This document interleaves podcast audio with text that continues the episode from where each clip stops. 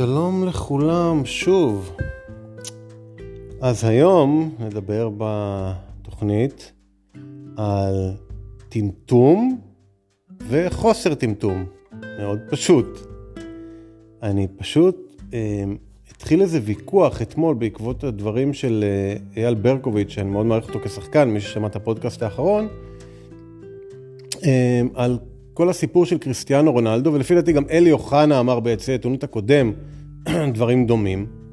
ואני פשוט נפעם, עכשיו אני קורא את התגובות בפייסבוק לפוסט של ערוץ הספורט, והרבה תומכים. עכשיו, אני, הרבה תומכים בדברים שהוא אמר, ואני ישבתי מול הטלוויזיה, ופשוט לא הבנתי איך מישהו יכול לחשוב ככה, ועכשיו אני עוד יותר לא מבין איך אנשים יכולים להסכים איתו.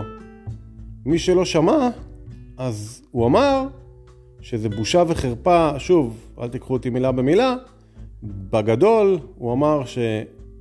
הוא אמר את זה בהרבה מילים, שזה בושה וחרפה מה שעושים לרונלדו, ומביישים אותו, ומי זה המאמן הזה בכלל? אף אחד לא יזהה אותו ברחוב, רונלדו זה סופרסטאר, וזה בושה, וזה ביזיון, שלא מעלים אותו בהרכב. ו... מי שראה את המשחק, פורטוגל, ואני ראיתי את כל המשחקים של המונדיאל בכלל,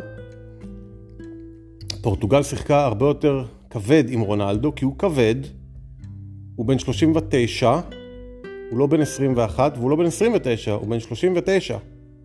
ואין לו את המהירות, אין לו את הזריזות, אין לו גם את הביתה, ראינו שהוא מנסה, ביתה אולי, אבל זה לא אותו שחקן, ורבאק יש להם כישרונות מטורפים, זה שנכנס במקומו כבש שלושה, אז what the fuck are you talking about?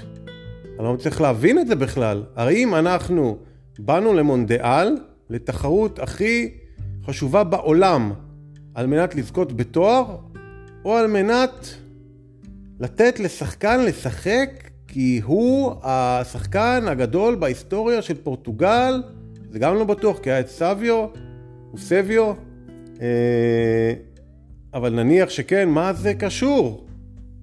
מה זה קשור? עכשיו הם באים לטורניר, הם צריכים לנצח בטורניר, לקחת, לזכות במונדיאל. מה אתה רוצה, שהוא ייתן לו לשחק והם יפסידו? או שהוא לא ישחק והם ינצחו? אני לא מבין, אני לא מצליח להתחיל להבין בכלל את הטיעון הזה.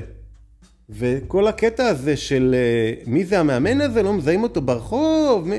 מה, זה, מה זו הרמה הירודה הזאת, הדיבור מלא האגו הזה? מה זה צריך להיות? אני לא מבין איך שחקן שהיה כזה גאון, יכול להגיד כאלה שטויות. לא מבין את זה, באמת, אני לא מצליח להבין. כל שחקן, מקומו, כבודו במקומו מונח, זה לא קשור, וכל מאמן, כבודו במקומו מונח. אני הייתי ספורטאי, הייתי שחקן כדוריד, מאמן, אה, אתה צריך לכבד את המאמן. שחקן שלא מכבד את המאמן, לא מכבד את עצמו, לא מכבד את המערכת, לא מכבד את המשחק.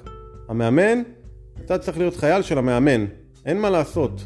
זה, אה, אפשר לראות את זה באין ספור דוגמאות במהלך השנים, שאותה קבוצה עם מאמן אחר מגיעה לתוצאות אחרות. אני לפעמים שומע שמאמן זה סתם, וסתם אה, זה, וכל כך לא ברור לי האמירה הזאת, לא ברורה לי האמירה הזאת. זה פשוט אה, חוסר הבנה בסיסית, זה כמו מנצח על תזמון, למה צריך מנצח? שכולם ינגנו, זה שצריך.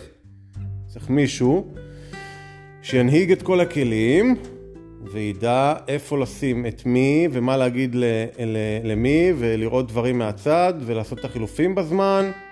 ומה, יש מאמנים ש...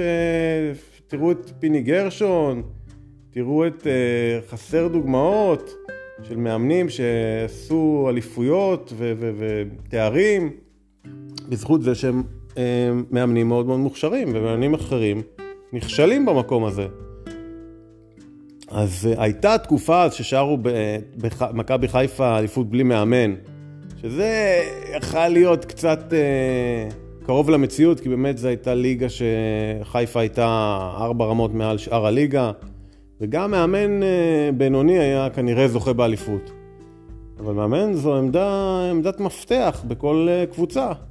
אז מה אתה עכשיו יורד על המאמן, שמי, מה, מה, מאמן, יצא, עמד בכל הלחצים, כל הלחצים של כל העולם על הראש שלו, של אנשים שמדברים כמוך, ושם את קריסטיאנו רונלדו, האייקון הזה, על הספסל, ושיחק אותה וניצח 6-1.